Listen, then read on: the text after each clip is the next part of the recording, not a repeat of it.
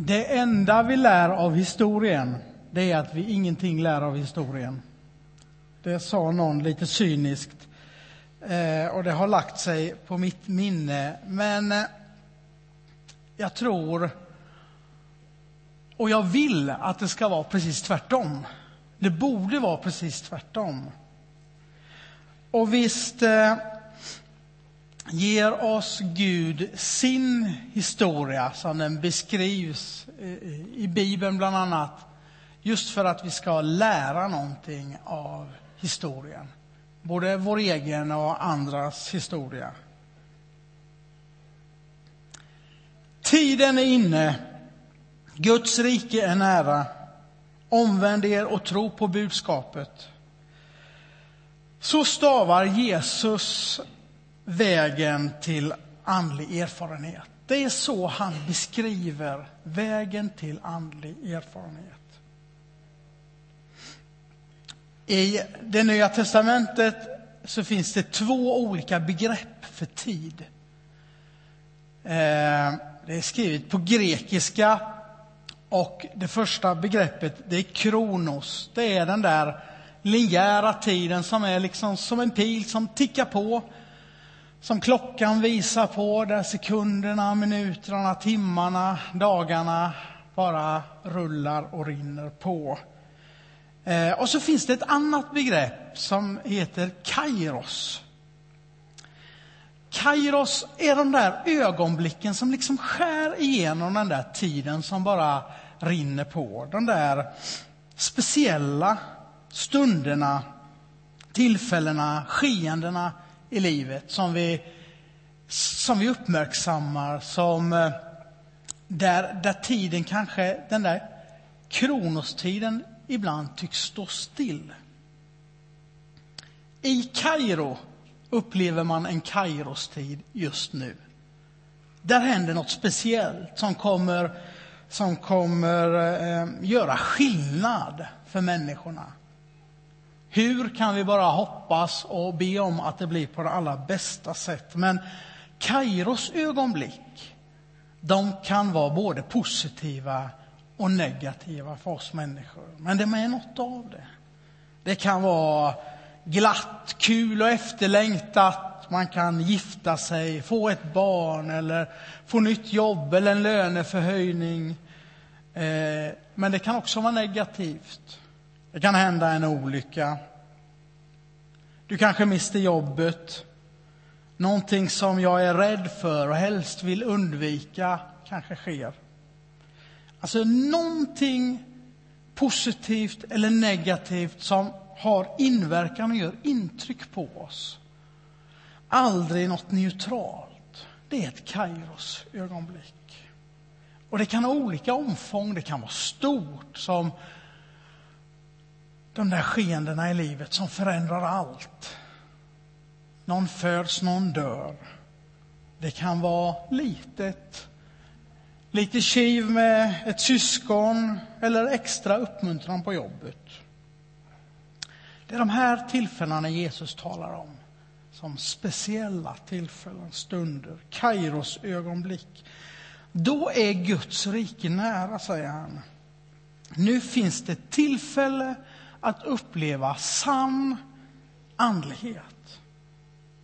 När vi upplever ett Kairosögonblick eller ett Kairos-skeende så kan vi omvända oss och tro och växa vidare som människa, som troende och som lärjunge. Prästen Mike Breen och pastorn Walt Kalleman de har liksom försökt att beskriva vad som händer i omvändelsen och tron eh, i något som vi kanske skulle kunna kalla en reflektionscirkel. De menar att, eh, och de försöker beskriva hur man kan i ett sånt Kairos ögonblick ta vara på livets händelser till fördjupning i livet, till mognad i tron och till nya andliga erfarenheter som berikar. Och det finns liksom två faser. Eh, fas ett är den här nedåtgående delen som, som man kallar omvändelse. Det handlar om att vända om emot det som hände, att fundera över vad var det egentligen som hände? Hur påverkade, hur berörde det mig och hur reagerar jag? Och den andra eh, fasen, det är tron. Det är när vi omorienterar oss, vi tar lärdom av det som just har hänt, det vi är med om och lär in något nytt i livet. Ett nytt beteende, en ny reaktion, ett nytt förhållningssätt. Och vi kan väl använda den här metoden eh, och analysen eh, på, eh, på, på dagens bibeltext. Vi ska också den här söndagen läsa en text från Gamla testamentet, från Första Samuelsboken. Eh, den handlar om den gamla prästen Eli som, som tjänar i templet och den eh, unge medhjälparen Samuel. Och som eh, också den här februari februarisöndagen så kommer vi prata om det generationsöverstigande mötet mellan människor. Vi läser eh, från början av kapitel 3 i Första Samuelsboken. Den unge Samuel tjänade nu Herren under Elis uppsikt. På den tiden var det ovanligt att Herren talade till människor och profetsyner förekom sällan. Då hände en gång följande. Eli, vars ögon hade nu blivit så svaga att han inte kunde se, låg och sov på sin vanliga plats. Tempellampan var ännu inte släckt och Samuel låg och sov i Herrens tempel, där Guds ark stod. Då ropade Herren på Samuel. Här är jag, svarade han. Han sprang bort till Eli och sa, här är jag, du ropade. Men Eli svarade, jag har inte ropat, gå och lägg dig. Då gjorde han det. Än en gång ropade Herren på honom. Han steg upp, gick bort till Eli. Här är jag, du ropade på mig. Men Eli svarade, nej min son, jag har inte ropat, gå och lägg dig igen. Samuel hade ännu inte lärt känna Herren och ännu inte fått ta emot hans ord. För tredje gången ropade Herren på Samuel, som åter steg upp och gick bort till Eli. Här är jag, du ropade på mig. Nu förstod Eli att det var Herren som ropade på pojken. Och han sa till Samuel, gå och lägg dig igen. Om någon ropar på dig ska du, ta, ska du säga, tala Herre, din tjänare hör. Och Samuel gick därifrån och la sig. Då kom Herren och ställde sig där och ropade som förut, Samuel, Samuel. Och han svarade, tala, din tjänare hör. Och då talar Herren till Samuel. Samuel låg kvar tills det blev morgon, då han öppnade dörrarna till Herrens tempel. Men han vågade inte berätta om sin uppenbarelse för Eli. Men Eli ropade på honom, Samuel, min son, Herre, jag svarade Samuel och Eli frågade, vad sa han till dig? Du får, in, du får inte dölja något för mig. Gud ska straffa dig nu och framgent om du förtiger ett enda ord av det som han talade till dig. Då berättade Samuel allt sammans för honom och dolde inte något. Och Eli sa, han är Herren, han gör vad han vill. Samuel växte upp och Herren var med honom och lät allt vad han hade sagt gå i uppfyllelse. Och det blev klart för hela Israel, från Dan till Berseva, att Herren hade betrott Samuel med att vara hans profet. Det vi läser om här, en berättelse som många säkert har hört förut, det är ett sånt där Kairos ögonblick för den där unge Samuel. Och den gamle prästen Eli får vara med och lotsa honom igenom detta. Och det första delen av, av hanteringen av ett sådant ögonblick, det är ju omvändelsen. Och omvändelsen betyder här att, att, att, att låta det som sker i våra liv vara med och förvandla oss och leda oss framåt enligt Guds vilja. Att liksom lägga örat till och lyssna till vad Gud vill säga. Nu och genom det som händer. Man skulle kunna dela upp eh, den här fasen i tre delar. Det första handlar om att observera. Vad, vad, vad var det nu som hände? Fundera på vad är det som sker i mitt liv nu? Vad var det som hände nu? Alltså, det verkar som att eh, Samuel han bara reagerar och går upp. Det krävs eh, en Eli för att se eh, vad som händer. Han blir väckt tre gånger. Och för att lära av livet och för att höra vad Gud har att säga i och genom våra liv så behöver vi observera det som händer omkring oss i våra liv. Vi får liksom ta bort de där skygglapparna och se oss omkring lite grann. Hur ser situationen ut? Hur reagerar jag på detta? Jag tänker ibland när det går riktigt illa och en olycka är framme så tillsätter man en haverikommission för att utreda vad det var som hände. När jag läste akutmedicin för många år sedan så, eh, så fick vi en bunt sådana där rapporter om olika händelser som vi fick läsa igenom och studera för att se och lära oss av, av, av ting som har hänt. Och när något går riktigt, riktigt bra, visst är det väl så att någon försöker beskriva vad som hände i någon slags success story för att hjälpa oss och, och lära av det. Men vi behöver hjälp. Jag behöver hjälp att se vad är det som händer i mitt eget liv. Det är svårt, för att inte säga omöjligt, att ha ett riktigt gott perspektiv på sitt eget liv. Eh, som sagt, sömngångaren Samuel, han bara reagerade när han blev väckt. Men, men, men Eli, han fick reda ut vad det var egentligen som hände. Och för, för mig är det jätteviktigt att ha människor omkring mig eh, som, som kan berätta vad är det som händer i mitt liv.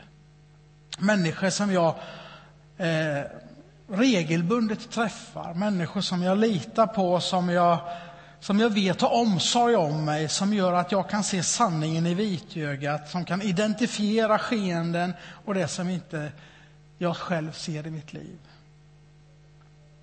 Det behövs.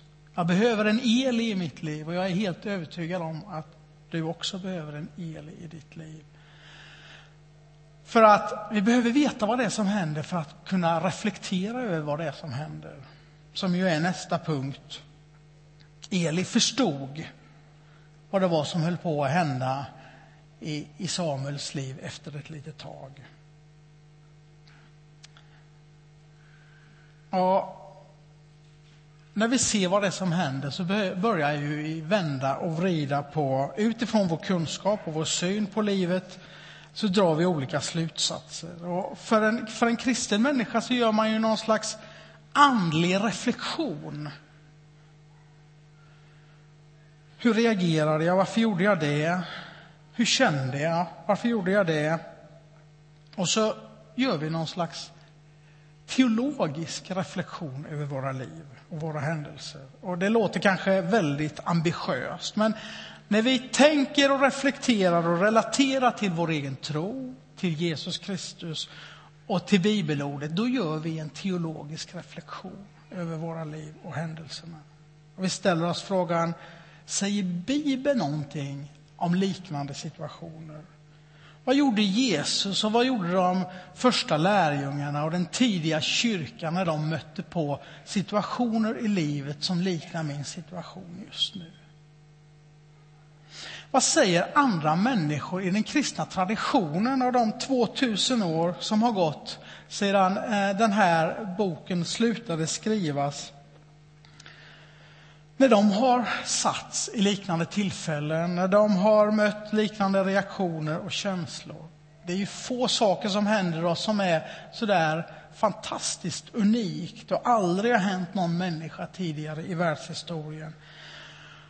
Och bokhyllorna och traditionen är full av människor som har reflekterat och tänkt och funderat över sina upplevelser tidigare.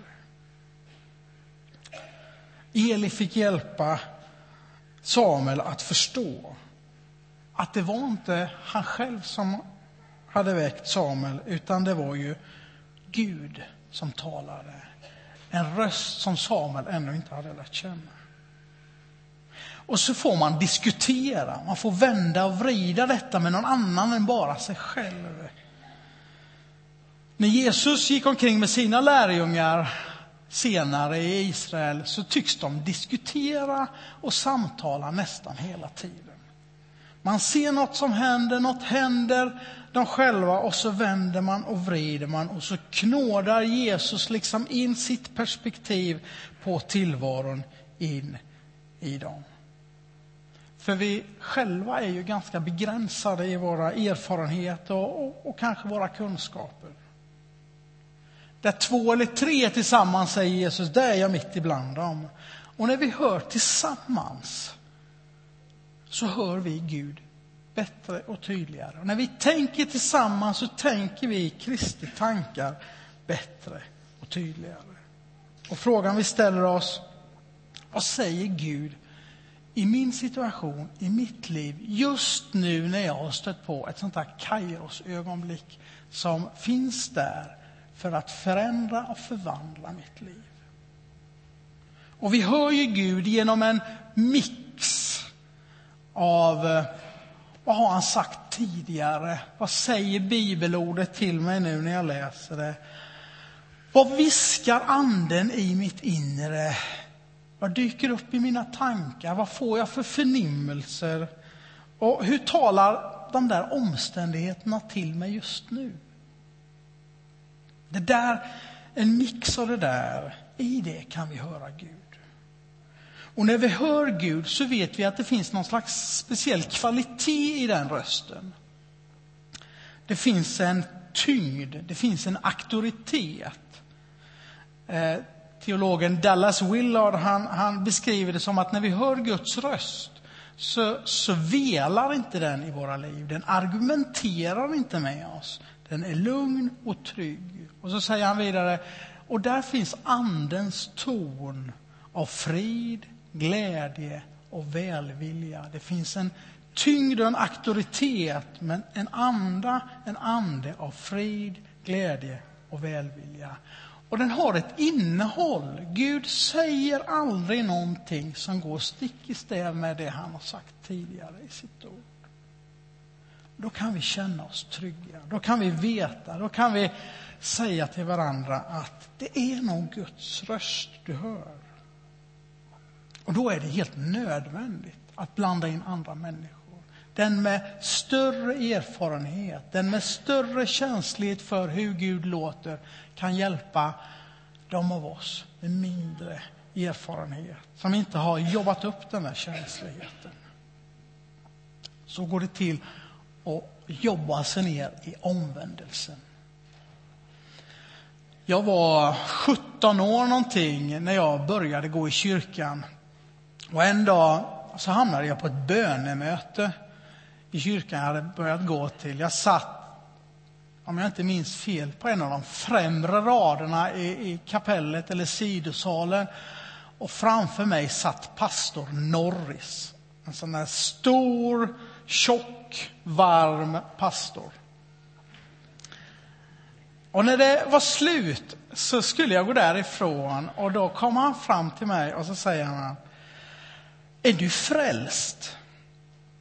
Och jag visste knappt vad ordet betydde, men jag hade varit i kyrkan några gånger så hade jag hört det innan. Eh, men jag kände mig inte speciellt frälst och jag trodde inte att jag var frälst, så jag sa nej, det tror jag inte. Och då tittade han på mig och så säger han, jag har suttit och tjuvlyssnat när du ber. Och vet du, ingen kan be som du gör utan att vara frälst. Alltså han hade observerat mitt liv. Han hade reflekterat över det som hände där och då. Och så tog han upp diskussionen med mig. Och så säger, man, säger han till mig, du är en kristen. Och jag minns när jag satt på bussen hem hur liksom yr i huvudet jag var när jag tänkte, wow, jag är en kristen. Oj, Och vad händer nu? Nu är det dags att tro. Så det är ganska lätt, åtminstone om man är som jag, eh, att stanna vid analysen av livet, den här omvändelsen. Men om, om, om vi bara tittar bakåt på det som händer oss och inte liksom går cirkeln fullt ut så kommer vi leva lite bakåtvända med liksom ryggen emot framtiden och jag tror inte det är meningen. Vi behöver orientera oss emot framtiden utifrån det vi har varit med oss om. Utifrån vår, vad vi har lärt oss och erfarit. Och, och, och tro, det är att agera utifrån det vi tycker oss höra Gud säga. Att leva som om det osynliga hoppet i Kristus är helt och fullt synligt för oss. Att omorientera. Och det där kan ju vara i det lilla, beroende lite på hur det där kairosögonblicket ser ut. Vad är det som händer? Eller i det stora? Är det något totalt livsförvandlande? Och vi behöver planera. Det är väl första steget. Samuel, han, han, eh, han får planen ifrån Eli att lyssna och att tala. Att lyssna och att tala. Ingenting får du dölja för mig, säger han, när du har hört det där som du ska höra. Och Jesus tycks säga till oss i den där omvändelseprocessen, du behöver ett nytt sätt att se på ditt liv. På något sätt ett nytt sätt att ta itu med dina livsfrågor. Du behöver en ny plan. Du behöver inse att det är något nytt som styr ditt liv. Eller som man uttrycker det, sök först Guds rike. Guds plan för dig. En av mina bästa vänner när jag växte upp, han hette Johan. Han var en kul kille. Eh, och han brukade alltid säga när han kom i bråk eller när han blev skälld på av någon, inte minst vuxna, skyll på mina föräldrar. Och nu måste ni veta att det här var 70-talet, så det var helt okej okay att säga så. Allting var föräldrarnas och samhällets och möjligtvis eh, genernas fel då. Eh, och det var väl ett härligt sätt att komma undan. Skyll på mina föräldrar. Eh, men i de här ögonblicken så är bortförklaringar ingen räddning. En bortförklaring är i det här för mig själv, för dig, bara ett hinder som kommer att hålla dig ännu mer fången. Som kommer hindra dig och mig från att utvecklas och mognas, mogna. Alltså frågan här är, hur ser Jesu förvandlande nåd ut för mig här? Vad kommer göra skillnad i mitt liv nästa gång jag möter ett liknande tillfälle? Hur ser stegen framåt ut? Och jag har själv stupat många gånger här och sett andra göra det. Ibland känns det som att de där stegen framåt och det där som hände, det där som jag borde lära mig, det är alldeles för stort. Jag kan aldrig göra så stora förändringar i mitt eget liv. I min egen syn på mig själv, i min egen uppfattning om livet. Eller, det där är alldeles för smått. Förmätet, ynkligt och för litet. Det där behöver jag inte ta itu med. Det där kommer försvinna av sig själv. Och så gör det inte det. Och så är allting som vanligt. Alltså, utan en plan kommer man ingen vart. Ordspråksboken 15, vers 22 säger utan överläggning går en plan om intet, med många rådgivare lyckas den. Jag var och undervisade om de andliga nådegåvorna flera gånger i en, en liten husgrupp i en annan församling som jag tillhörde. Eh, och så tänkte jag att nu är det dags att gå vidare, nu får vi försöka praktisera detta. Men jag mötte ett massivt motstånd i, i gruppen och jag, jag, såg på gruppens ledare att han var ganska frustrerad, att de kom ingenstans. Så jag lämnade dem och tänkte att de kanske sköter det lika bra själva utan pastorns närvaro. Jag hade ju varit där och gett kat, eh, liksom varit en katalysator för det som skulle hända. Så frågade jag något senare hur det hade gått, hur de hade gått vidare och det enda som hade hänt var att de hade tagit in en annan bibellärare som hade gett dem ännu mer bibelundervisning av de andliga gåvorna och fortfarande satt de kvar i samma soffa och drack ur samma tekoppar och ingenting hade förändrats utan att de hade fått veta, veta, veta mycket mer. Vad de behövde var inte att veta mer utan att ha en plan för hur sker förändring. Och där behöver vi varandra. Där behöver vi en husgrupp, för det är ju en väldigt bra gemenskap. Eller en huskyrka, eller en familj, eller en mentor. Någon som kan lyssna på oss, någon som kan berätta för oss, någon vi kan överlägga med. Vad kan steg framåt vara? Eli var en sån för Samuel. Han kunde ge honom råd och tips och små steg framåt. När du hör den här rösten, öppna munnen.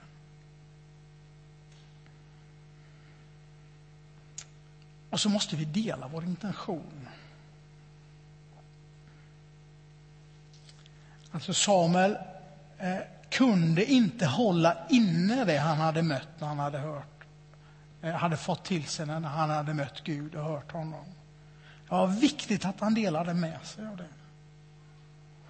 Och det är en enorm styrka att dela med sig av vår tänkta plan och vår motivation. Hemliga mål i livet kommer tyna bort väldigt lätt om de möter hinder och motstånd.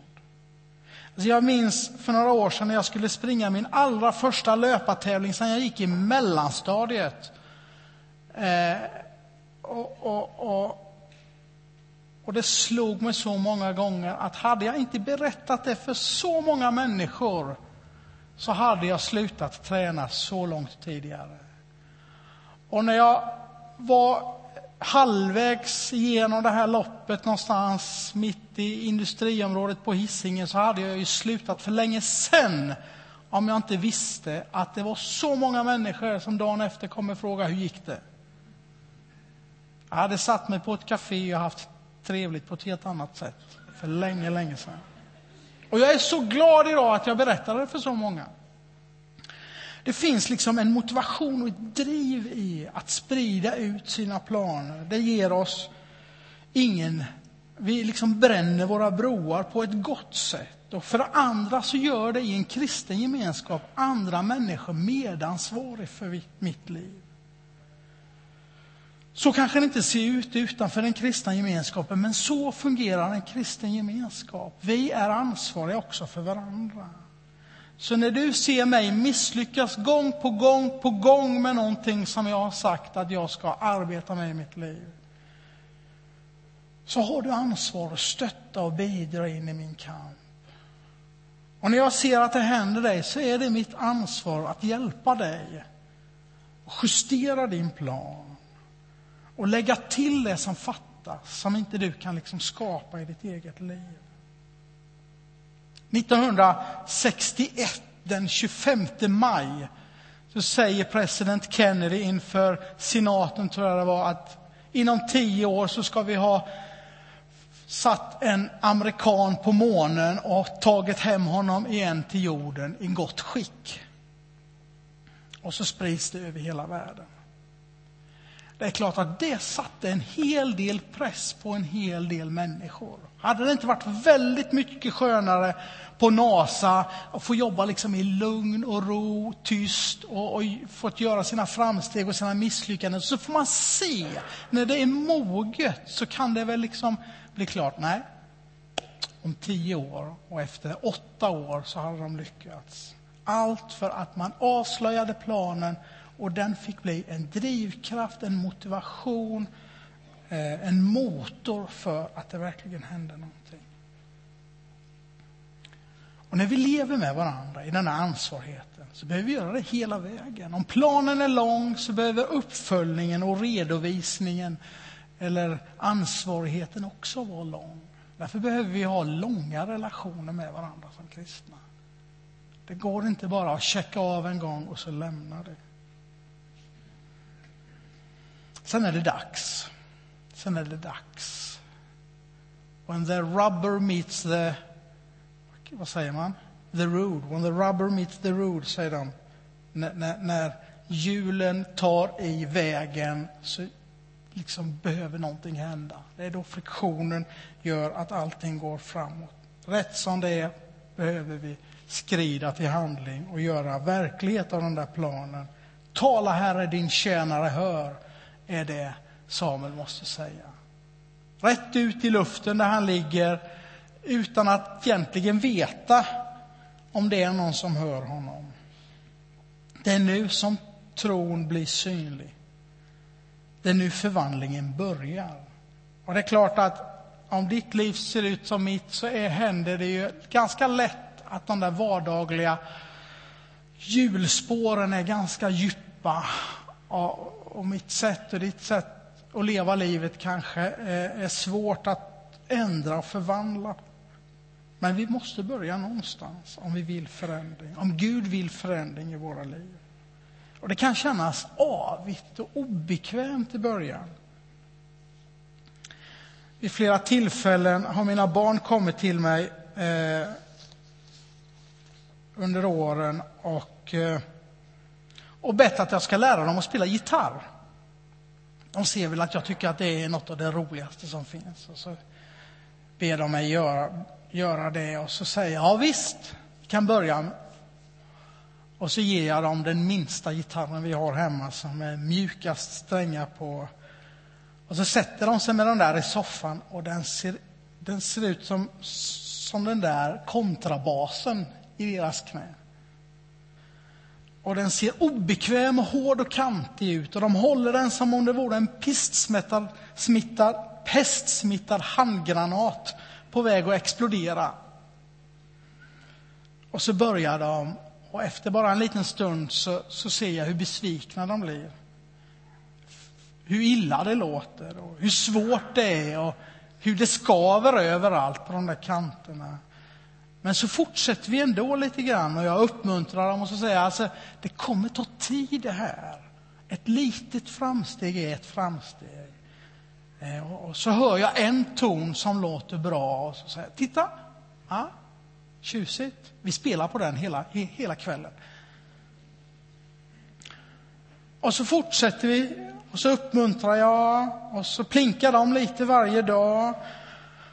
Och så tröttnar de och så kommer vi tillbaks igen och så kommer det att låta bättre och bättre. Och rätt som det är en dag, flera år senare, så sitter de där och spelar och sjunger tillsammans och, och har uppnått det där målet och har riktigt roligt.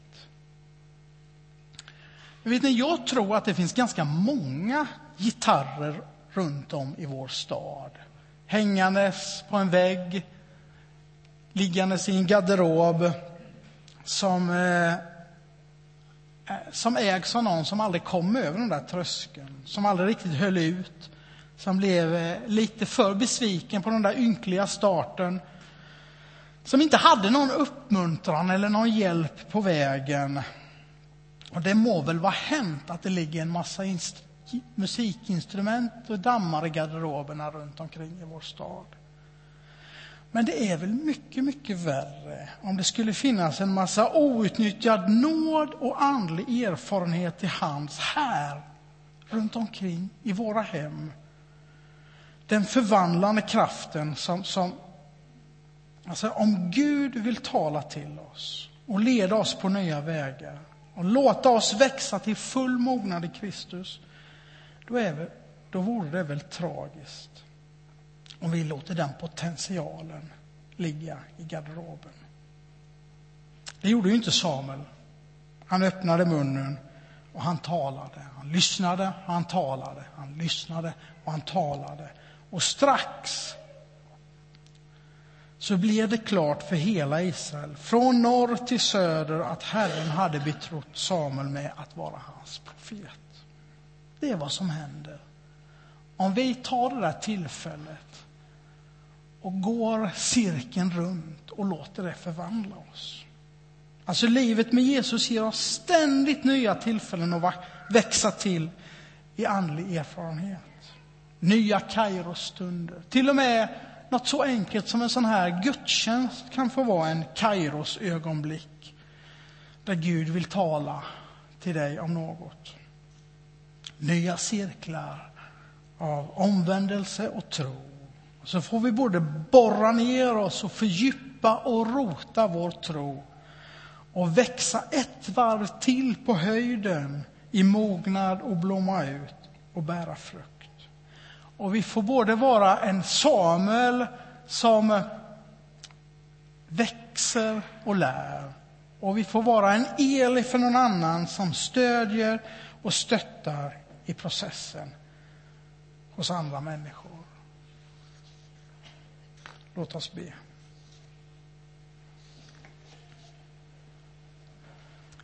Tack himmelske far för att du inte bara ger oss sekunder och minuter, timmar och dagar, Herre, utan att du ger oss innehåll i livet. Ögonblick att ta vara på, Herre. Tack att vi får eh, reflektera, fundera, diskutera, vända och vrida och omvända oss i dessa ögonblick. Tack att vi får planera och, eh, och agera och tro utifrån de här ögonblicken och låta dem bli till förvandling och förändring i våra liv, Herre. Tack att vi inte behöver stå ensamma, utan att du har ställt oss vid varandras sida. Vi får hjälpa varandra att höra vad du viskar till oss, vad du säger till oss, hur du, hur du ger oss kraft att gå vidare in i framtiden. I Jesu namn.